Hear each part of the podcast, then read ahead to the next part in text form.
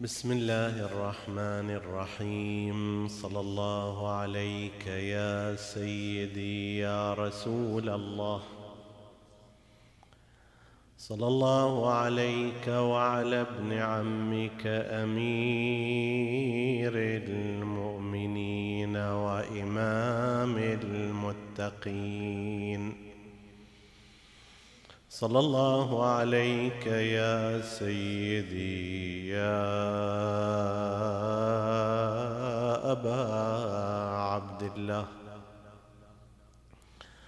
ما خاب من تمسك بكم وأمن من لجأ إليكم. يا ليتنا كنا معكم فنفوز فوزا عظيما. قال الله العظيم في كتابه الكريم بسم الله الرحمن الرحيم. يا أيها النبي إنا أرسلناك شاهدا ومبشرا ونذيرا وداعيا إلى الله بإذنه وسراجا منيرا. آمنا بالله. صدق الله العلي العظيم. عطروا مجالسكم بذكر محمد وآل محمد.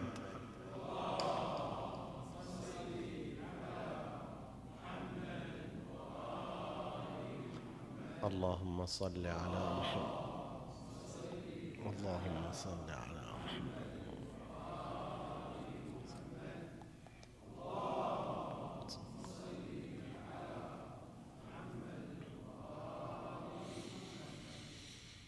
حديثنا بإذن الله تعالى يكون عن جوانب من سيرة سيد الأنبياء بل سيد الكائنات كلها النبي الأعظم والرسول الأكرم سيدنا ومولانا محمد بن عبد الله صلوات الله وسلامه عليه. في ضمن الحديث عن قصة الديانات والرسل وبعد أن أنهينا الحديث عن اليهودية كدين وعن نبيها موسى وعن المسيحية كدين ونبيها عيسى. نقدم للحديث عن الإسلام بالحديث عن نبيه الكريم صلوات الله وسلامه عليه. ومن المعلوم أننا لا نستطيع أن نحيط بهذه الحياة المليئة بالمناقب والفضائل والتي تحير عقل الإنسان إذ كيف يستوعب زمن كله ثلاث وستون سنة؟ هي عمر رسول الله صلى الله عليه وآله على المشهور. كيف تستوعب هذه المدة الزمنية هذا الحجم العظيم من الفضائل؟ فلقد طويت فضائل تسعمائة سنة عاشها آدم. وتسعمائة وخمسون وتسعمائة وخمسين أو ألف ويزيد مما عاشه نوح ومائتي سنة مما عاشها إبراهيم ومائة وخمسة وسبعون مما عاشه موسى وغير ذلك مما عاشه الأنبياء كل فضائلهم ومناقبهم وما احتوت عليه شخصياتهم جمعها رسول الله صلى الله عليه وآله في شخصيته وجمعت في ذاته ومع ذلك فاقهم وتجاوزهم في هذه المدة الزمنية القصيرة. كان سيدهم كان إمامهم كان الأعلى والأفضل بينهم جمع في ذاته ما تفرق عندهم كل ذلك في ستين سنة تزيد قليلا. وهذا أمر يحير الناظر كيف يستوعب هذا الزمان هذا المقدار العظيم من الفضائل والمناقب. ثم كيف لإنسان من مثلنا المتحدث اولا والسامعين ثانيا كيف يمكن لنا أن نحيط بهذا الكم الهائل من الفضائل؟ كيف نستوعب هذا البحر في أيدينا التي لا تستوعب إلا غرفة من بحره أو رشفة من ديمه وأمطاره؟ فلا يمكن لنا ذلك. لكن عذرنا قصورنا وتقصيرنا. عذرنا كماله وتعاليه. والإقرار بالعجز أمام ذلك هو خير سبيل ينتهجه الإنسان. نتحدث عنه بمقدارنا لا بمقداره. نضيء بعض الجوانب بمقدار إبصارنا لا بمقدار تلك الجوانب. نغترف بمقدار وعائنا لا بمقدار مائه. هذا المقدار الذي يجعل لنا عذرا ونسأل الله أن يثيبنا على ذلك مستمعين ومتحدثا. إنه على كل شيء قدير. تتعدد الطرق في بحث سيرة رسول الله صلى الله عليه وآله.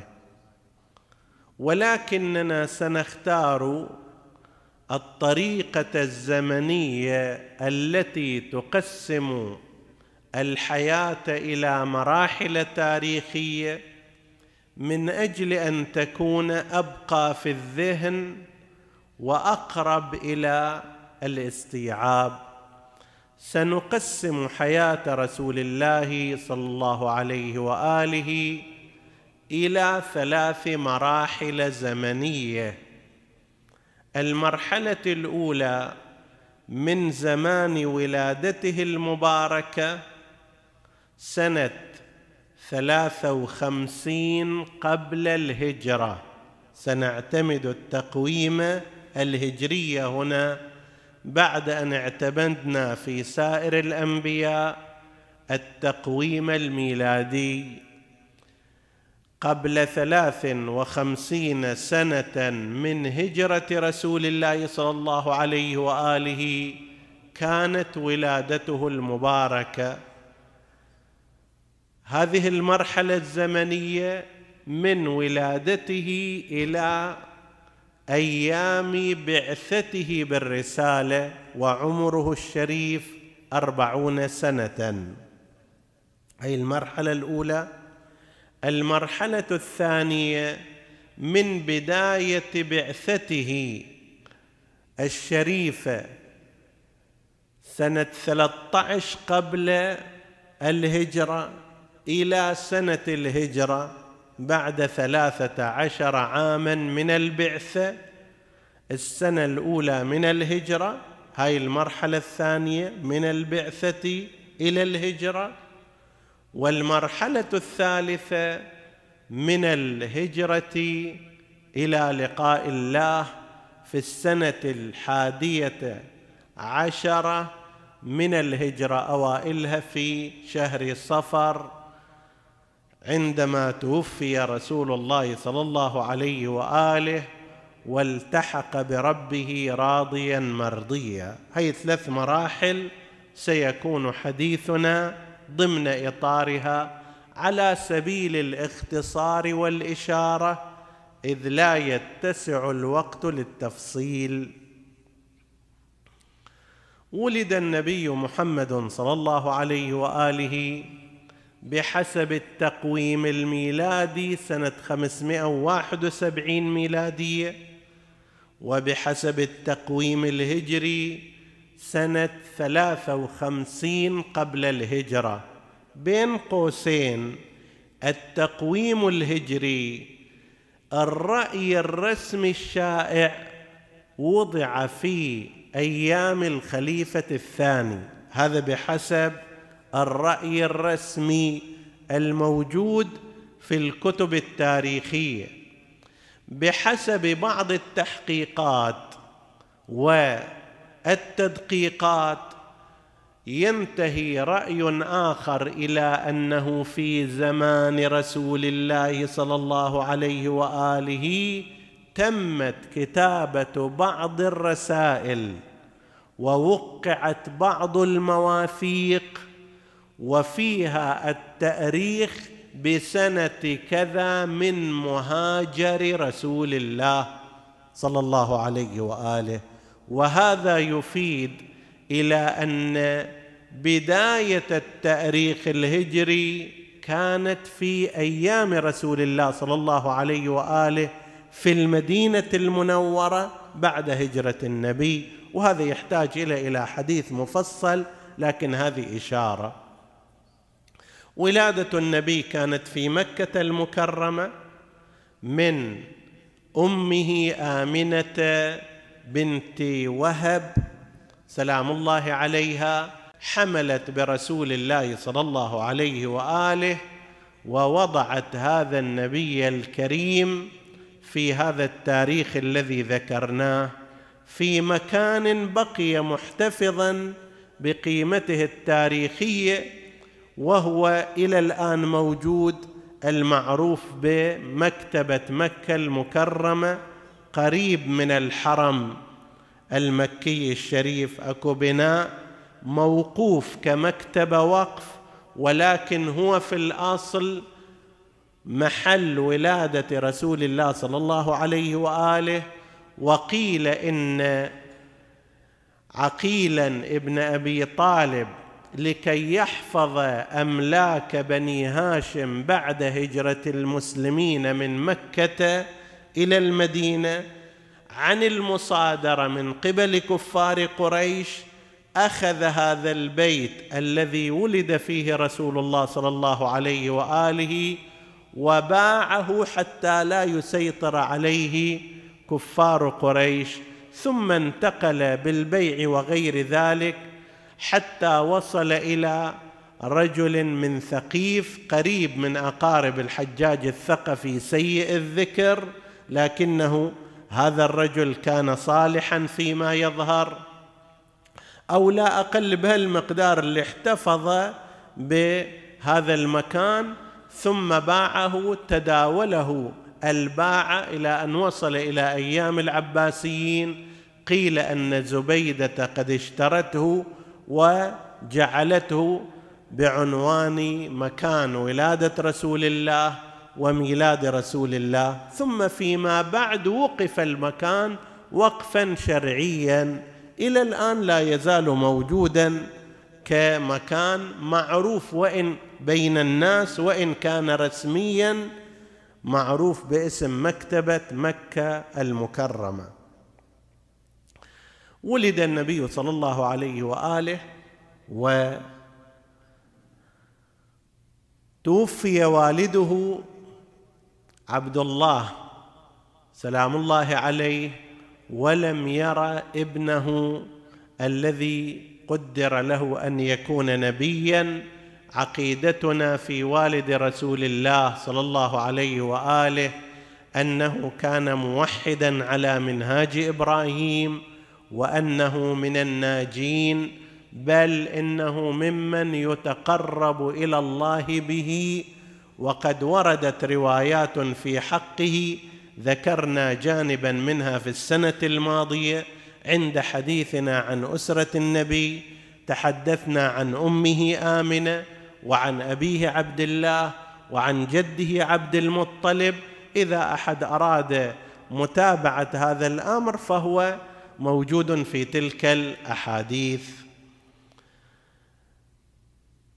قضية إرضاع النبي صلى الله عليه وآله من قبل حليمة السعدية رضوان الله تعالى عليها أيضا تحدثنا عنها ولكن نشير هنا إلى إشارة عابرة وهي تخطئة مصادر مدرسة الخلفاء. في التاريخ لهذه الفترة مما قالوا أن حليمة السعدية لم تحصل على واحد من الأطفال من ذوي الثراء وأخذت أخيرا هذا اليتيم. طيب هذا الكلام كلام غير صحيح بالمرة فإن عبد المطلب في ذلك الزمان كان سلطان مكة. لا ينازعه أحد لا في الجهة الدينية ولا في الجهة الدنيوية. كان رجلا يستقبل على مستوى الملوك كان يعقد الاتفاقيات مع الحبشة ومع اليمن. وذكرنا هذا مفصلا عند الحديث عن حياة عبد المطلب. كان ملك مكة وسلطانها. فلا ما معنى أنه هذا كان يتيم وما عند أحد فلم ترغب فيه المرضعات؟ فآخر شيء حليمة لما لم تجد أحدا أخذته. لا هذا كان ابن حفيد سلطان مكة. كان حتى من الناحية المادية يترقب خيره بالإضافة إلى مقامه المعنوي العالي. كان الرئيس في هذه البلد وأي واحدة؟ بالتالي تحب أن تتعامل مع رئيس البلد والكلام التفصيلي في ذلك الحديث عن عبد المطلب. وهكذا الحال ما ذكروه من أنه بعدما ذهب وقد وجدت آثار بركه هذا النبي العظيم بمجرد أن لامست بدنه واحتضنته فإذا بها تجد أن اللبن قد در في ثديها وأصبحت تستطيع سقي وإرضاع ابنها الأصلي ورسول الله صلى الله عليه وآله ومع ذلك كان يكفيهما. بركة النبي كانت واضحة في بدنها بل فيما يتعلق بها حتى دابتها التي حملتها وحملت عليها رسول الله وجدت فيها نشاطا غير طبيعي إلى أن رجعت إلى بلادها في البادية هناك وجدت آثار بركتي ليش النبي أخرج من هذا المكان إلى البادية؟ بالإضافة إلى ما ذكروا وهذا قد وهذه قد تكون أسباب ظاهرية أن اللغة هناك أنقى. وما شابه ذلك. يعتقد أن الجانب المعيشي كان أفضل في تلك الأماكن. ولأضرب لك مثالا لو الديرة ديره في أي مكان لو فرضنا أنه لم يكن فيها صرف صحي واحد وبلد تشيل الزبالة ما موجودة ماذا كان يحصل في هذه الديرة الداخلية؟ مو الشوارع الفسيحة والأحياء الكبيرة الدائرة الديرة الداخلية. افرض أنه لا يوجد فيها صرف صحي ولا يوجد فيها جهة تهتم بالتنظيف ماذا كان يحصل؟ تستوخم هذه المنطقة وتصبح بيئة مناسبة للأمراض. مكة هي في الأصل محصورة بين جبال. وبالتالي التهوية العامة مالتها كانت غير حسنة. قضية الصرف الصحي وما أدري كذا هم ما موجود. كانوا يتخلون شوية خارج البيوت. طيب القليل منهم اللي كان يذهب بعيدا وإلا شوية يستتر في مكان ما ويقضي حاجته. وأنت تصور مجتمع هكذا هو شأنه. هذا جانب ثاني. زبائل وما شابه ذلك. ماكو هناك جهة تهتم بها. ولهذا أنت ليش تست يعني ما اجى في ذهنك هالسؤال هذا؟ أن مثلا النبي كان جالسا في بجوار الكعبة فجاء أحد الكفار بسلا بعير هذه الأحشاء والأمعاء الداخلية ورماه عليه. من وين جاب؟ هذا موجود بجنب الكعبة. موجود بجنب الكعبة ملقى هنا وملقى هناك وهالاطراف هذه. زين هذا إذا مجتمع كل هالشكل بيئته الصحيه لم تكن بيئة حسنة. ولذلك من المناسب للأطفال أن لا يكونوا في هذه البيئة بالإضافة إلى جهات أخر. وراح إلى البادية. هنا ينقلون قصة أيضا غير صحيحة وهي ما يرتبط بحادثة شق الصدر. زعموا أن النبي كان يرعى. الغنم مع أبناء مع إخوته من الرضاعة فجاء ملكان واحتملا رسول الله وأضجعاه على الأرض وقام أحدهما بشق صدره وأخرج منه قطعة لحم وقال هذا نصيب الشيطان منه شلناه منه. وإن للشيطان يكملون وإن للشيطان نصيبا في كل أحد إلا عيسى ابن مريم. هذا الكلام كلام لا أصل له ولا دليل يعضده. اولا إحنا نحتمل أن يكون هذا تسريب من الحالة المسيحية لكي تقدم عيسى ابن مريم على رسول الله. يعني كل البشر فيهم مضغة الشيطان كما سموها إلا عيسى. حتى محمد أيضا زعموا أن فيه هذه المضغة. طبيعي أن واحد إذا كان من أصل خلقته ليس للشيطان عليه سبيل ولا فيه مضغة شيطان أفضل من هذا اللي يحتاج إلى عملية جراحية. سيارتك من الأصل فيها مكيف غير لما شنو؟ تحط إليها مكيف أو تشيل منها شيء. فهذا الأمر كلام غير صحيح. أضف إلى ذلك منذ هذه الحادثة إلى يومنا هذا الناس تدور على مضغة الشيطان في البشر. تبغى تحصلها؟ ما موجودة. مع تقدم العلم شافوا الأوردة والشرايين. وإلى ماكو وين مضغة الشيطان هذه؟ ماكو. ثالثا متى كان حظ الشيطان في الإنسان يرتبط باللحم؟ الشيطان ما يرتبط باللحم. ولا عنده غده أو عرق أو ما أدري وصلة لحم يخليها في الإنسان وإنما هي تزيين من قبل الشيطان للإنسان فيستجيب لتزيينه. طيب فهذه الرواية لا أصل لها ولا أساس لها وليست صحيحة في مدرسة أهل البيت. وإن نقل بعضهم أن فلانا قال ولقد رأيت أثر الخياط في صدر رسول الله. يظهر ذولا ما كانوا يتقنون الملائكة العمليات الجراحية بشكل دقيق. طيب بقى الخياط موجود هناك. هذا بعد لتغليظ المرقة حسب التعبير.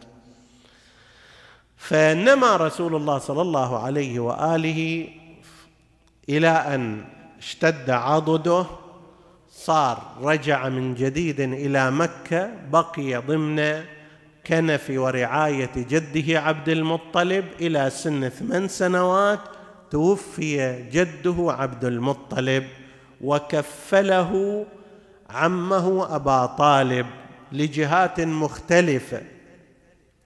وصار تحت رعاية عمه أبي طالب فكان نعم الوريث لهذا الاهتمام من أبيه عبد المطلب نما رسول الله صلى الله عليه وآله على غير ما ينمو عليه أقرانه ومشابهوه من العمر. واحد عمره 13 و14 سنة عادة يروح وراء اللهو والعبث وما شابه ذلك لكن مسار رسول الله صلى الله عليه وآله لم يكن هذا المسار فقد أعده الله سبحانه وتعالى لما هو أعلى من ذلك ويقول أمير المؤمنين عليه السلام ولقد وكل الله بنبيه ملكا من أعظم الملائكة يسلك به مسالك مكارم الأخلاق.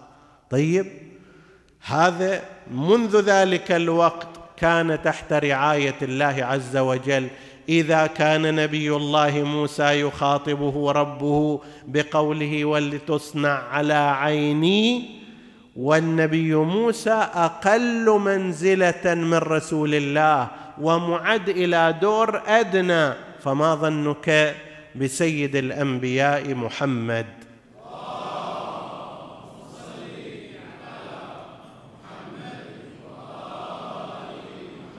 مع شبابه بدأ يعمل لكي يكسب مالا ينفقه على نفسه. الآن والدته توفيت والده توفي جده أيضا توفي.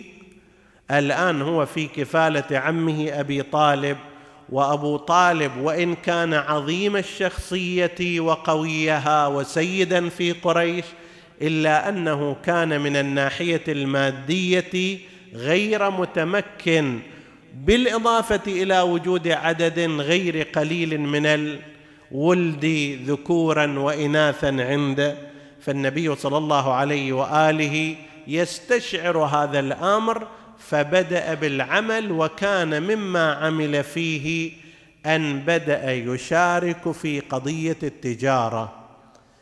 قانون المضاربة في مكة كان يظهر من العقود الكثيرة الرواج. بأن وإلى الآن موجود هذا وهو قانون ممضى من الناحية الشرعية وصحيح. أن يكون عند إنسان رأس مال وأن يكون عند شخص آخر عمل صاحب رأس المال يعطي لذلك الشخص المال وهذا يبدأ يتحرك يتاجر يبيع يشتري. يصدر يستورد غير ذلك. والأرباح بينهما بالنسبة التي يحددانها. هذا المضاربة كان من القديم قبل الإسلام موجود وكثير وجاء الإسلام وأقر شرعيته وهو صحيح وإلى يومنا هذا كثير من العمليات التجارية تقوم بهذا النحو. على مستوى الشركات الكبرى والبنوك الضخمة وشركات القابضة وإلى غير ذلك. فالنبي صلى الله عليه وآله رغب في هذا الأمر. فهل أثنى خديجة بنت خويلد سلام الله عليها لفت نظرها رسول الله صلى الله عليه وآله منذ شبابه قبل أن يبلغ العشرين ولا سيما مع تواتر الأخبار من الكهنة والقساوسة من أهل الكتاب في قولهم أنه يوشك أن يبعث نبي من مكة. هذا الخبر كان منتشر وشائع. طيب وقلنا حتى أن القرآن الكريم كان يشير إليه وإليهم سواء في المدينة أو في مكة. وأنهم أي أهل الكتاب كانوا يستفتحون على الذين كفروا. يقولوا راح يجي نبي ويصير معانا وبنغلبكم وإلى غير ذلك. فهي تفكر أنه إذا أكو واحد في زماننا في زمانها يعني سيبعث ما راح يعدو محمد بن عبد الله. لأن بالتالي النبي له مواصفات خاصة. هذه المواصفات لا تنطبق على أحد كانطباقها على محمد بن عبد الله. وهذا من كمال عقل خديجة. أكثر الناس الحدث بعد ما يصير يشوفونه يعرفونه. الآن إذا اجى مثلا نبي من الأنبياء الآن كلنا نشوفه ونتعرف عليه. لكن ذاك كامل العاقل هو اللي يترقبه من قبل 15 سنة.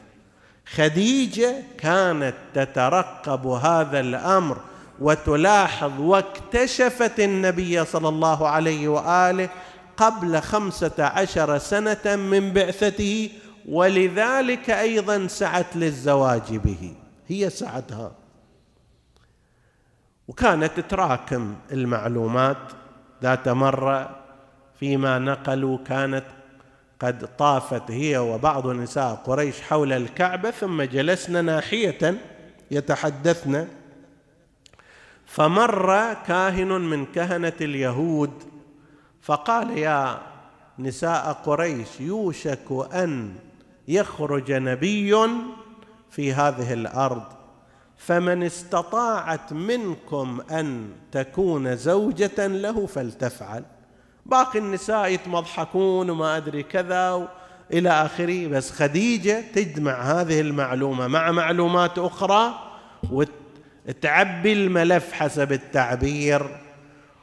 فلما صارت قضية التجارة وجدتها أفضل فرصة مناسبة لأن تتعرف عليه من ثقة أمين. هي بعد سارعت إلى القبول و قالت ما يخالف المال حاضر وهؤلاء خدمي وغلماني لكل مرة يروحون يأتون مع محمد إلى الشام لكي يتاجر.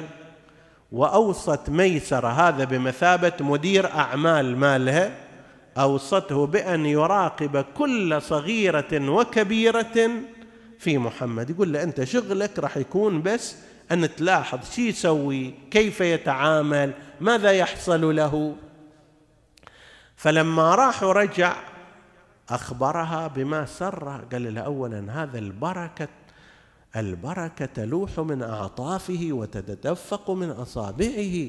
هذا يبيع غيرنا ما يبيع السلعة إلا بكذب فيها وتدليس فيها وتزيين ويحلف وإلى آخره.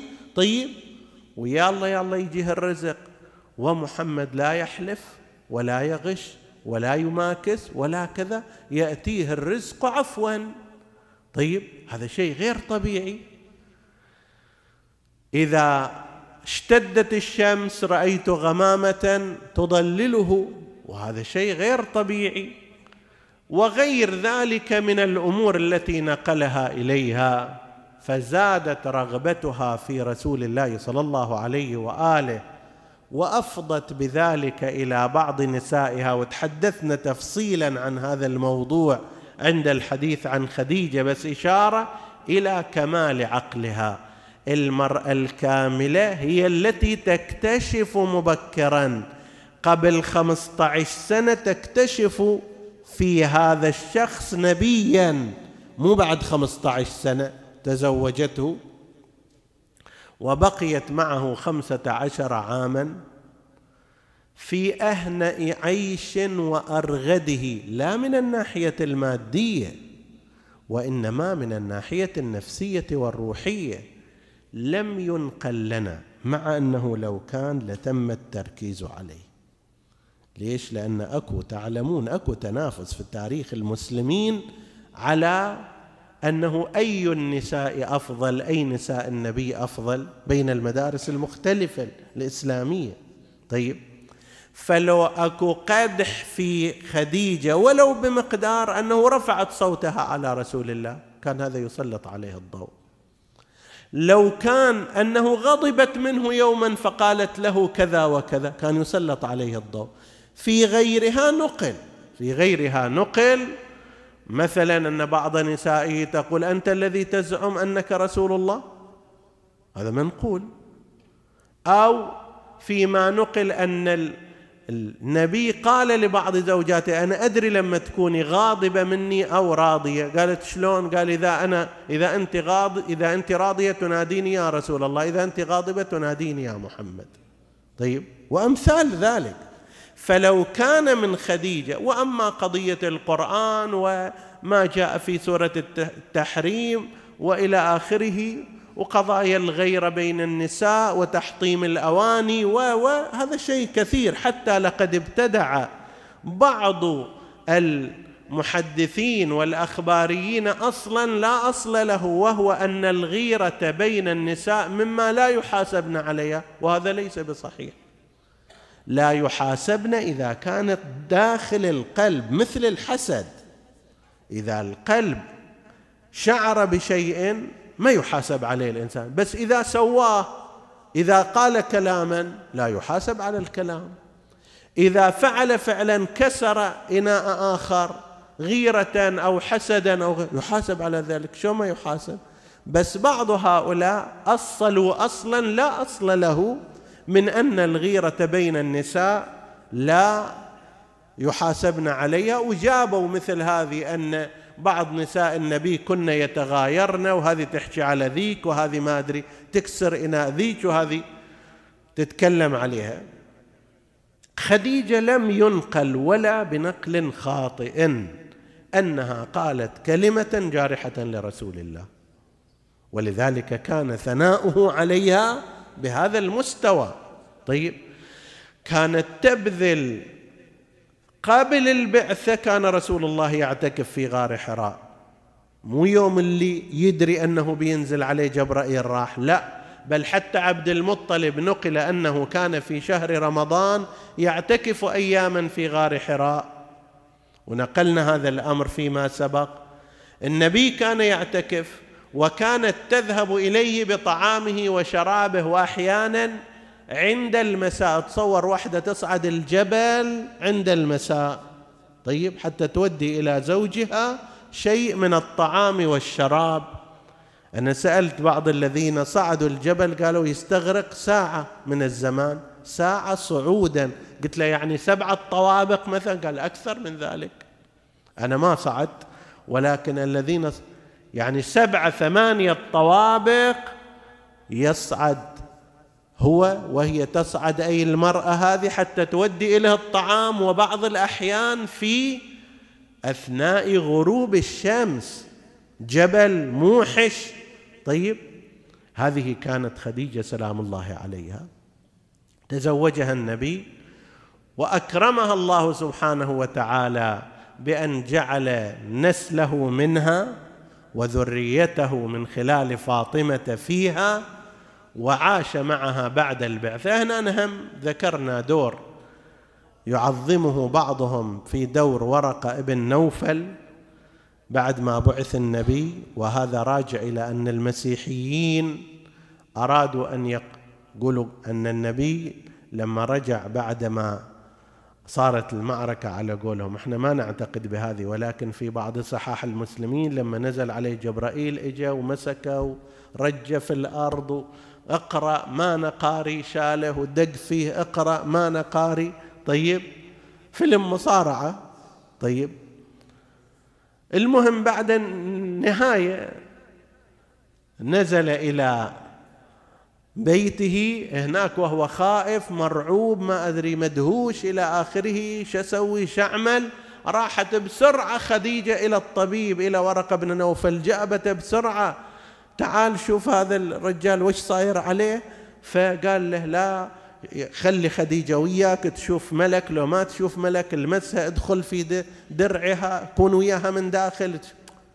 هذا كلام آه، يعني لا يمكن أن يصدر من متأمل.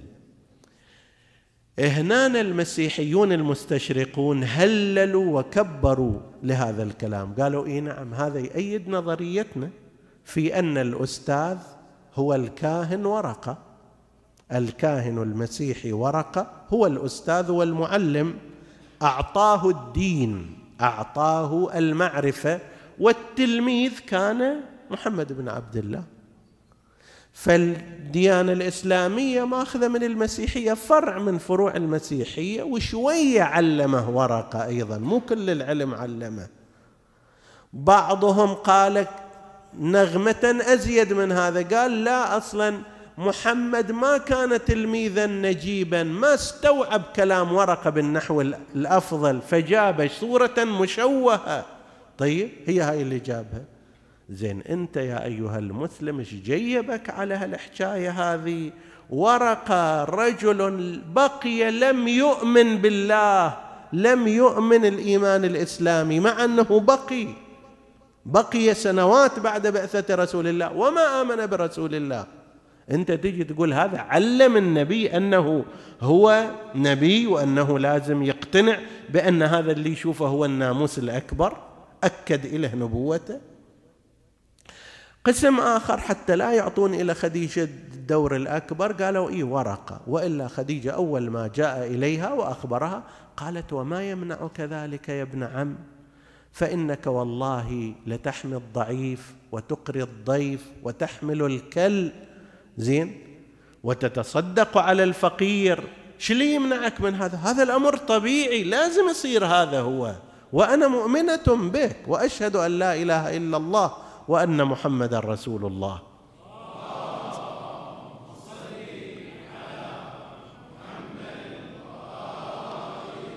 بعث رسول الله صلى الله عليه وآله وانتهت هذه المرحلة الأولى.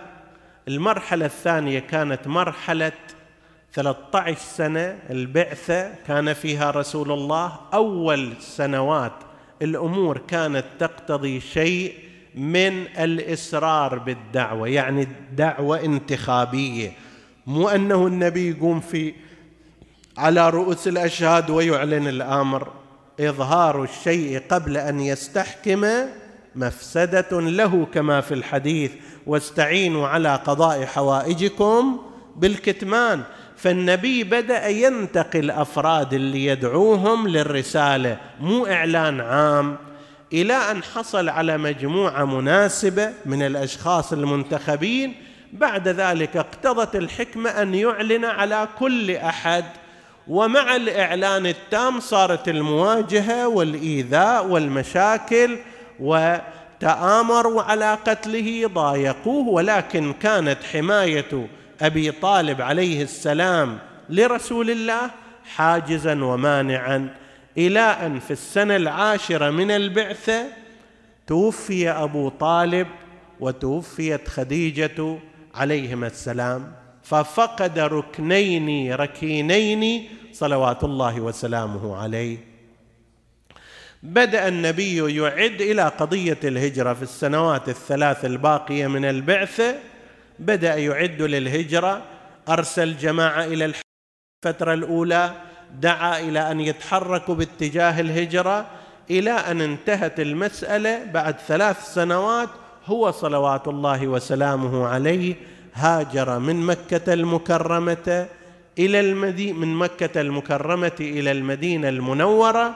طيب بذلك النحو الذي عرفناه وخلف أمير المؤمنين عليا عليه السلام في مكة يقضي دينه وينجز عداته ويقوم بأعماله وكل الأشياء اللي كان يقوم بها رسول الله كحالة اجتماعية عينه فيها وكانت هذه أول توصية مباشرة وإدارة عملية لأمير المؤمنين من قبل رسول الله. غير الكلام اللي صار في يوم الدار أنت أخي ووصي ووارثي تنجز عداتي وتقضي ديني هذا تنصيب نظري. هذا الآن صار تنصيب عملي لهذا الأمر.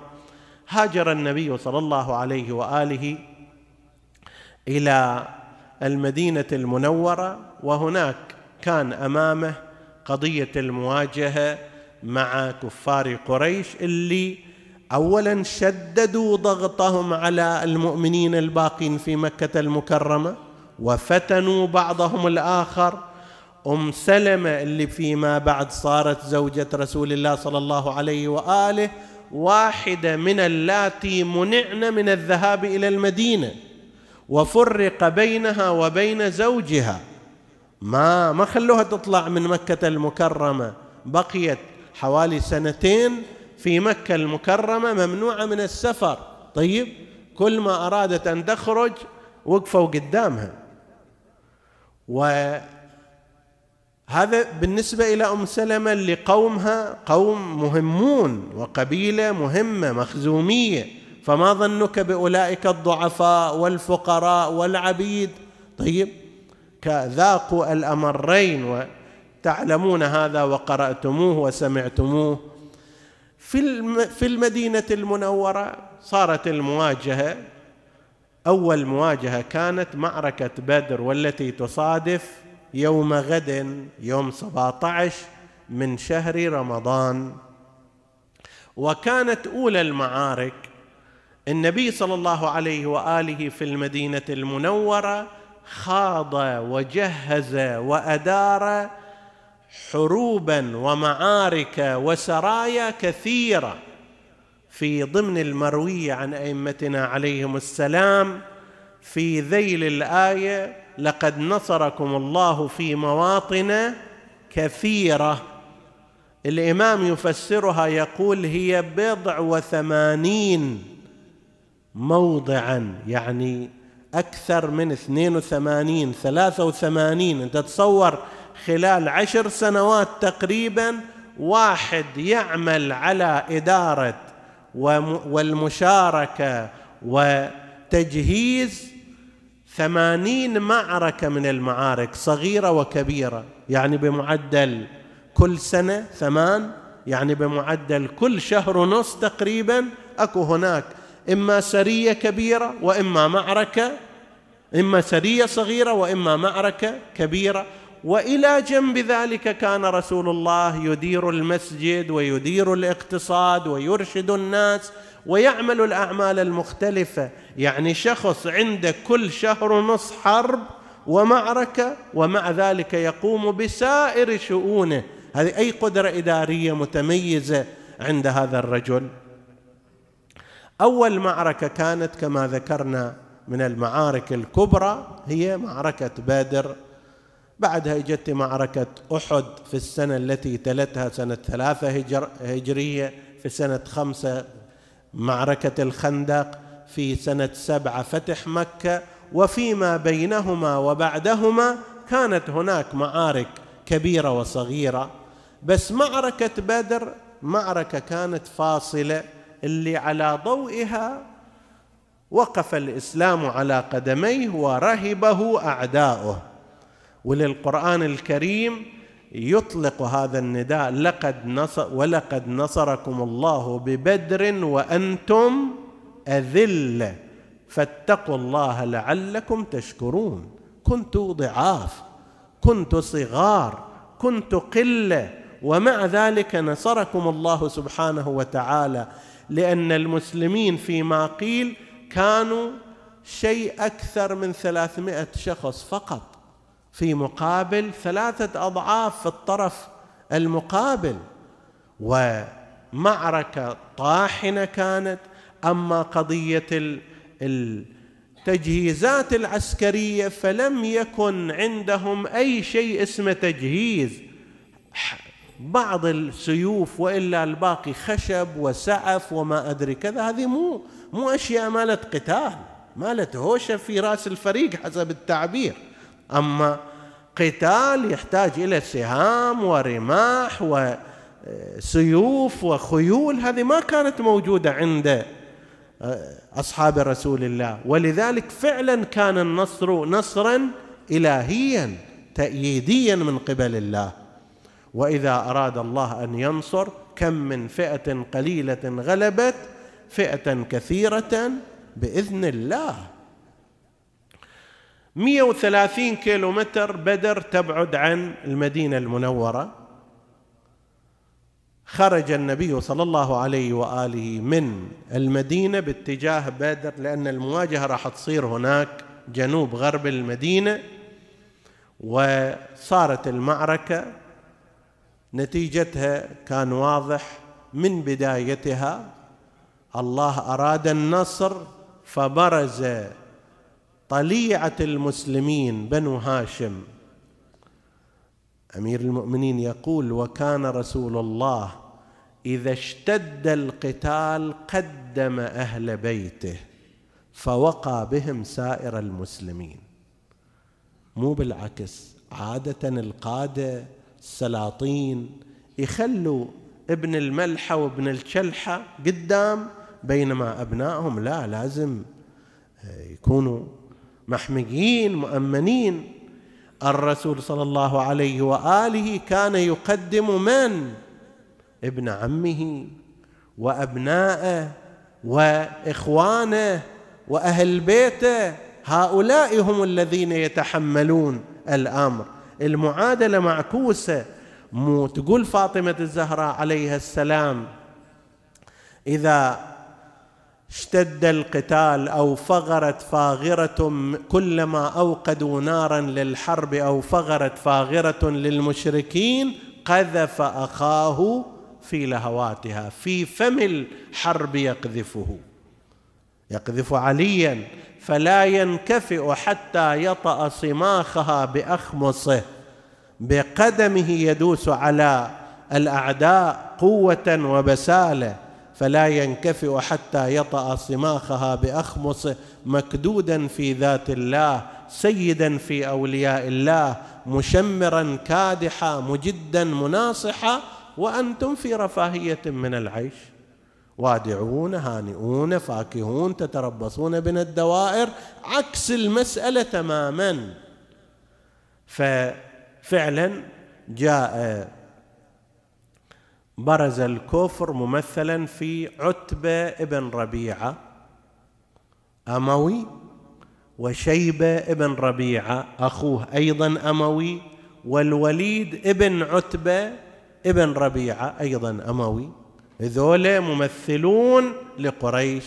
وهالخط الأموي بقي مصطدما مع خط رسول الله إلى آخر الزمان. ورثته أيضا يصطدمون مع ورثة هذا الخط إلى هذا الزمان. فعبيده برز إلى عتبة حمزة برز إلى شيبة علي برز إلى الوليد بحسب مراتب السن. الوليد كان أشدهم فتكا لأن كان ضخم الجثة جدا وشجاع قوي ولكن أكو قوي قدام علي بن أبي طالب؟ لا فتى إلا علي لا سيف إلا ذي الفقار. وما أمهله أمير المؤمنين عليه السلام حتى ضربه على رأسه وشق رأسه إلى أضراسه كما يقولون. يعني فلق هامته إلى أسنانه وانطرح على الأرض. اللهم صل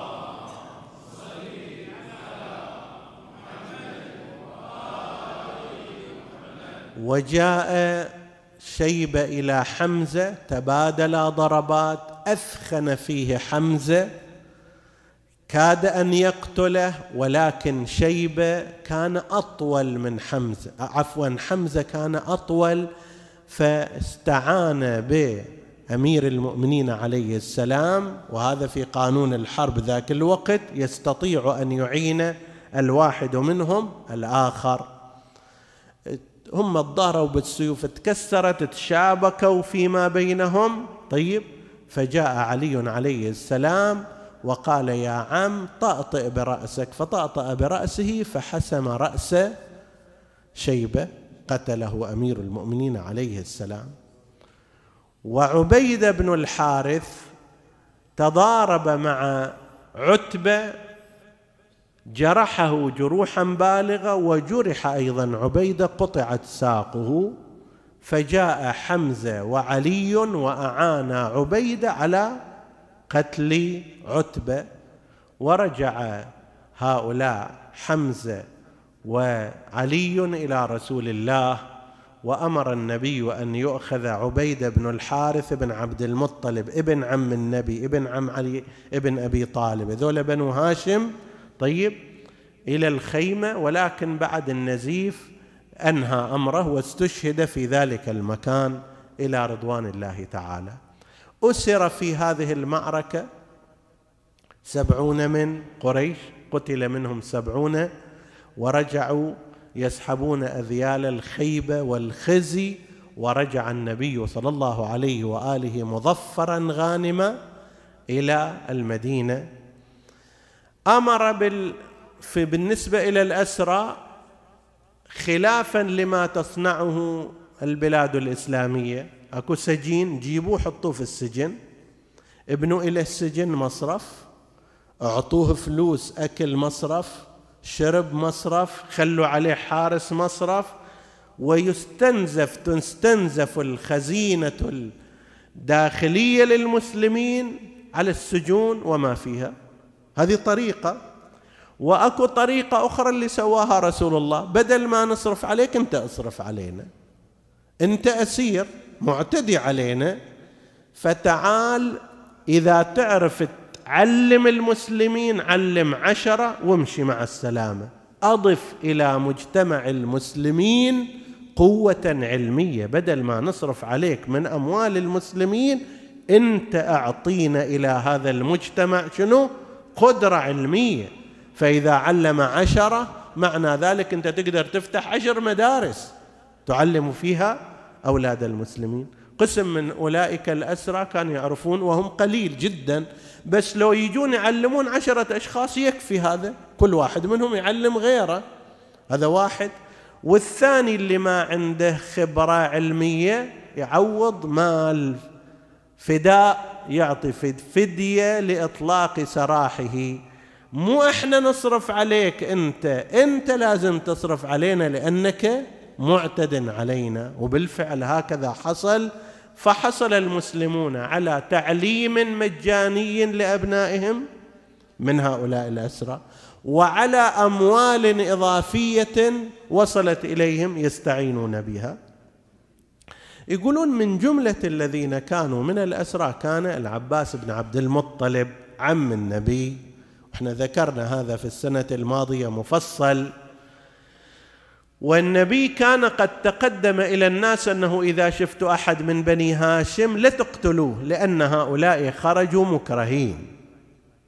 خصوص العباس أكو هناك كلام أنه كان قد آمن برسول الله صلى الله عليه وآله ولكن لأن عنده مصالح تجارية واسعة في مكة فما أراد أن يفسد هذه المصالح وتؤخذ أموال مثلا هذا المسلم طلع اخذوا لنفترض بيته. هذا العباس كذا من الأموال عنده في ذمة آخرين فإذا طلع خلاص تحلوها من عنده ما كان هذا يريد يسوي.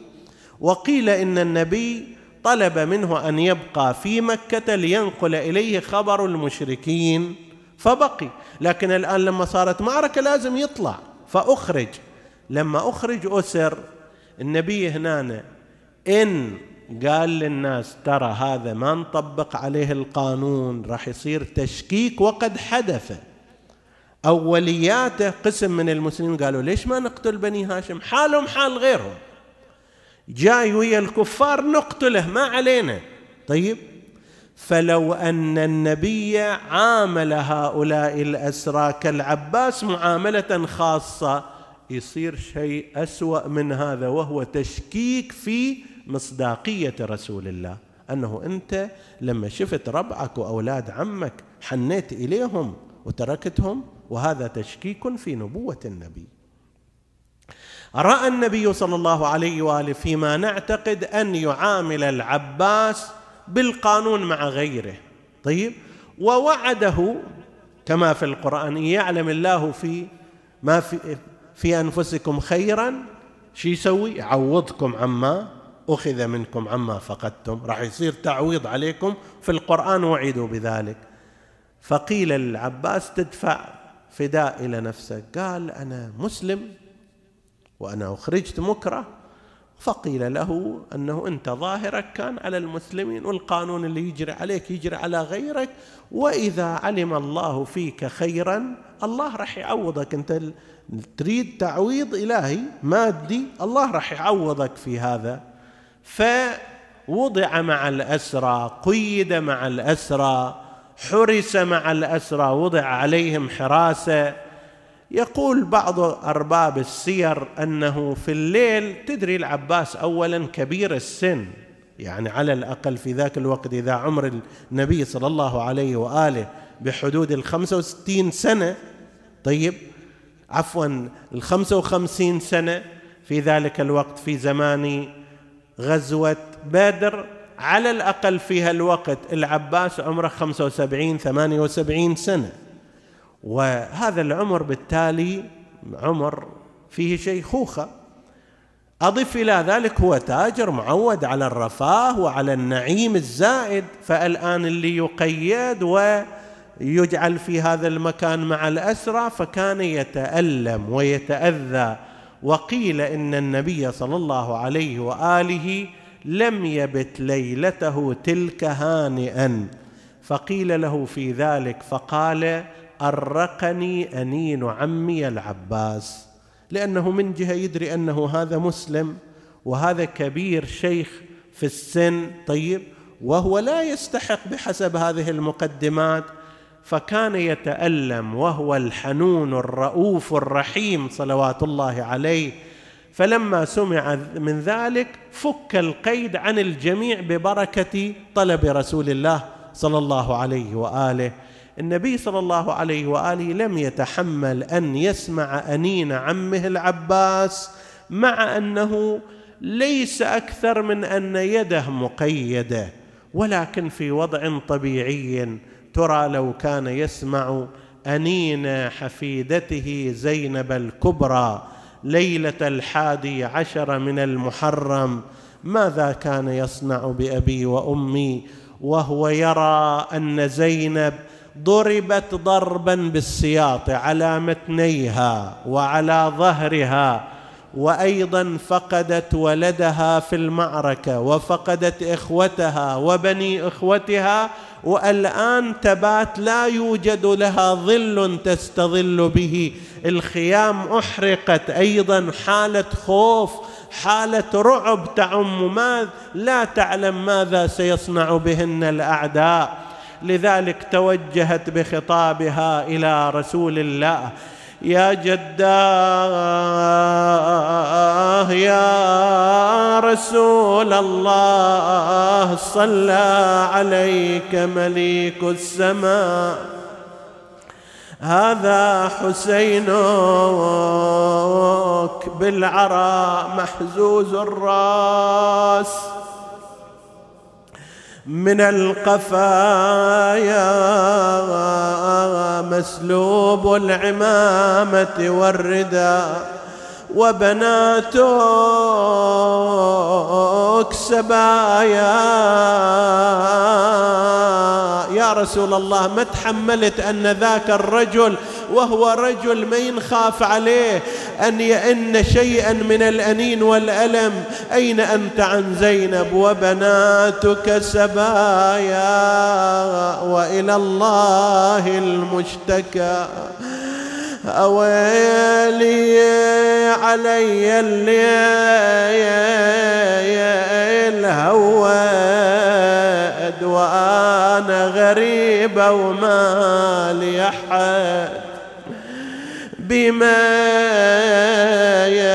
يا يابا القلب يضمد ابن والد العباس مرد. ما رد والحسين هل عندي مدد؟ خلصوا هلي خلصوا هلي الله لحد. وتارة تنثني تدعو عشيرتها. من شيبة الحمد أشياخا وشبانا قوموا غضابا من الأجداث. نسألك اللهم وندعوك باسمك العظيم الأعظم الأعز الأجل الأكرم. يا الله اغفر لنا ذنوبنا كفر عنا سيئاتنا آمنا في أوطاننا. لا تسلط علينا من لا يخافك ولا يرحمنا. ولا تفرق بيننا وبين محمد وآله طرفة عين.